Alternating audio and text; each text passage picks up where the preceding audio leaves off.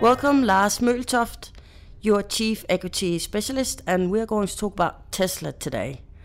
The automaker's stock value has developed reasonably well, but um, what's your overall perception of Tesla?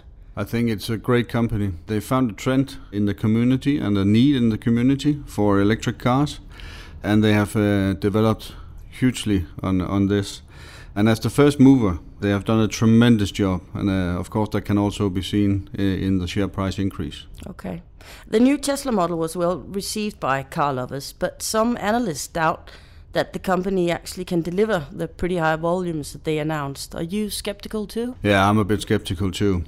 They had pre-orders on, on the new Tesla for 276,000 cars uh, in the first week. And that's, if you put it in perspective to what they have delivered since uh, Tesla was founded, they have delivered 115,000 cars. So of course there will be a need for more production over coming years, and, and I agree with the critics that could be a problem.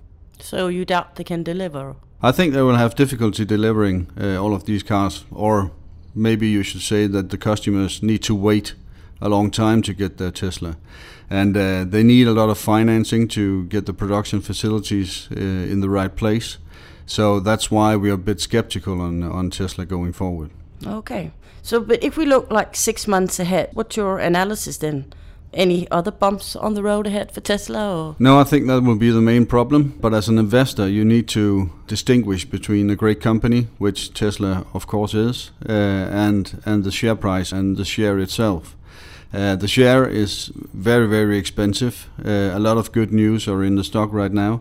So they have to over deliver to uh, justify the price or the valuation of the stock at the moment. So uh, we are negative on, uh, on Tesla at the moment. Okay. What do you mean by over deliver? They have to really get this production facilities going, they have to get the financing right so everybody can believe that they are going to deliver uh, on these high numbers for, for delivery over the next years on the new Tesla. Okay, interesting. Thank you, Lars. You're welcome.